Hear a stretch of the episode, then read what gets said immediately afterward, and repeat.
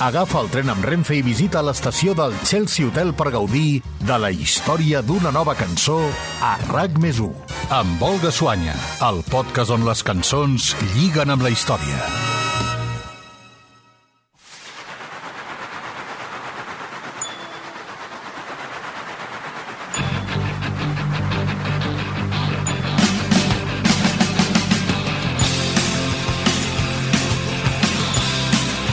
En aquest episodi del Chelsea Hotel ens visiten els Ramones, una de les bandes pioneres del moviment punk i que amb el seu particular estil musical i estètic van marcar un punt d'inflexió en la història del rock i el pop.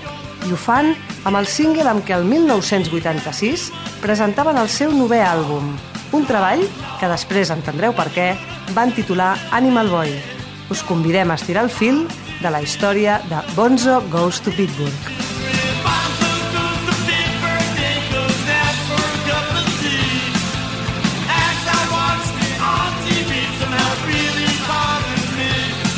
Abans d'endinsar-nos en la cançó, però, val la pena recordar qui van ser els Ramones.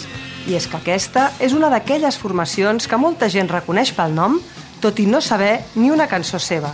Això sí, tothom els identifica amb el seu crit de guerra. Ni que sigui perquè l'han vist estampat mil vegades. No en va, es diu dels Ramones, que són el grup de la història que ha venut més samarretes que discos.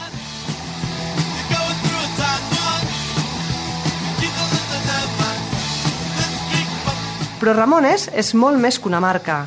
Juntament amb els Sex Pistols i The Clash, és una de les bandes claus dels inicis del punk, un gènere que a mitjans dels 70 reivindicava el retorn a la simplicitat i la intensitat del rock més primitiu.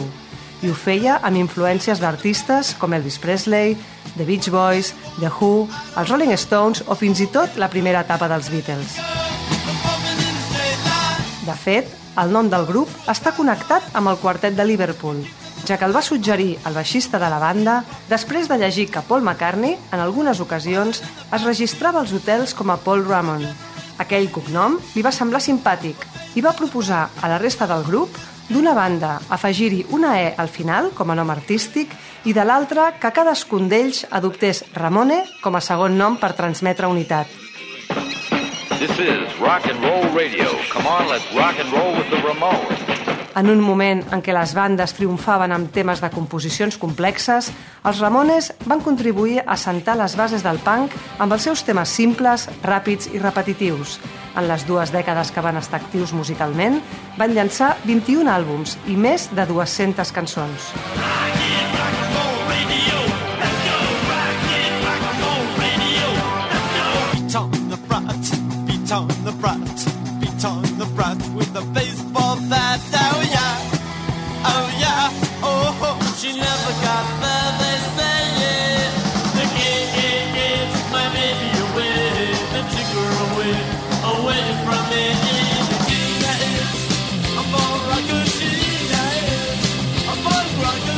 Beat on the Brat, Sheena is a punk rocker, Do You Remember Rock and Roll Radio o The KKK Took My Baby Away són alguns dels temes amb què els Ramones van convertir-se en un grup de culte. I en aquest episodi hem triat un dels seus clàssics.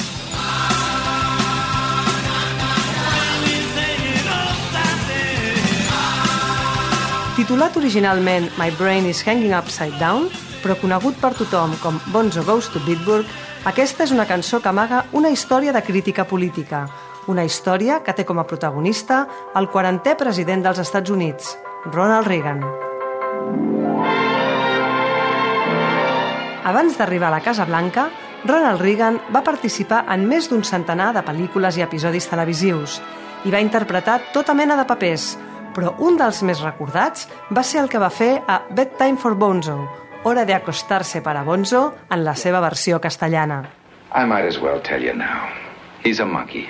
They all are. A real monkey. En aquesta cinta de 1951, Reagan es posa en la pell d'un professor de psicologia que contracta una mainadera perquè l'ajudi a criar un ximpanzé. No és una de les interpretacions de les quals l'actor se sentís més orgullós i potser per això, 30 anys més tard, el nom d'aquell animal va ser el que van fer servir per escarnir el llavors president dels Estats Units en una visita polèmica que va fer a la República Federal Alemanya en plena Guerra Freda.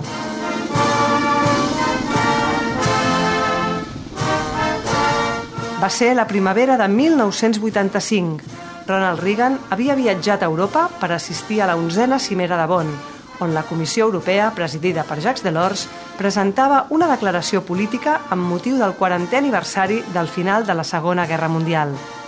En el marc d'aquesta commemoració, el president nord-americà va acompanyar el canceller Helmut Kohl al cementiri de Bitburg, una població situada a 150 quilòmetres de la capital alemanya. L'acte s'emmarcava en un homenatge a les víctimes del nazisme, però els dos mandataris van acabar fent una ofrena floral al lloc on hi havia enterrats una cinquantena de membres de les Waffen-SS, el cos de combat d'elit de l'exèrcit nazi. I have just come from the cemetery where German war dead lay at rest. No one could visit there without deep and conflicting emotions. La visita va generar una onada de protestes que van tenir una gran difusió mediàtica i va ser l'element que va inspirar Joey i Didi Ramone a escriure Bonzo Goes to Bitburg. El primer tenia ascendència jueva i el segon, fill de soldat americà i mare alemanya, es va criar a Berlín fins als 15 anys. Tots dos músics, doncs, estaven molt sensibilitzats amb l'entorn de la Guerra Freda en el marc europeu. Així que no és estrany que la notícia els impactés i volguessin expressar amb una cançó la seva reacció contrària a aquest homenatge.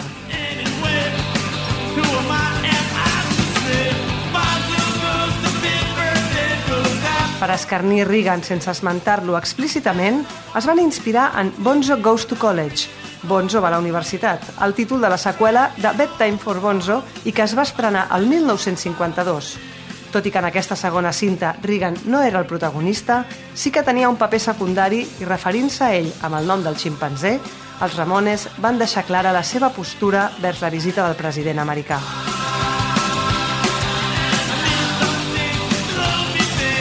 Han passat quatre dècades i cap dels protagonistes d'aquesta història continua viu. Ronald Reagan va deixar aquest món als 93 anys d'una pneumònia. Joey, Johnny i Didi Ramone van morir en un període de 10 anys després de la desaparició de la banda al 1996. I need something to slow me down.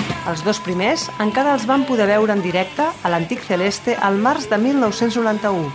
Va ser en dos concerts que es van enregistrar i editar aquell mateix any sota el títol Loco Life, un àlbum que va deixar per al record la bona sintonia que aquesta banda de Queens va tenir sempre en Barcelona i que els rockers més nostàlgics recordem com la Ramones Mania.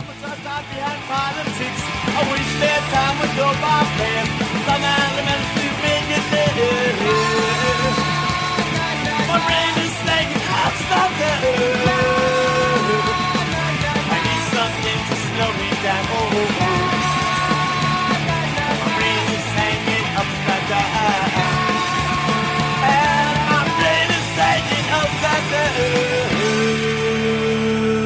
El tren de Renfe, amb parada a Chelsea Hotel, reprendrà el seu viatge i tornarà dissabte que ve amb noves cançons a RAC més 1, amb Olga Suanya, el podcast on les cançons lliguen amb la història.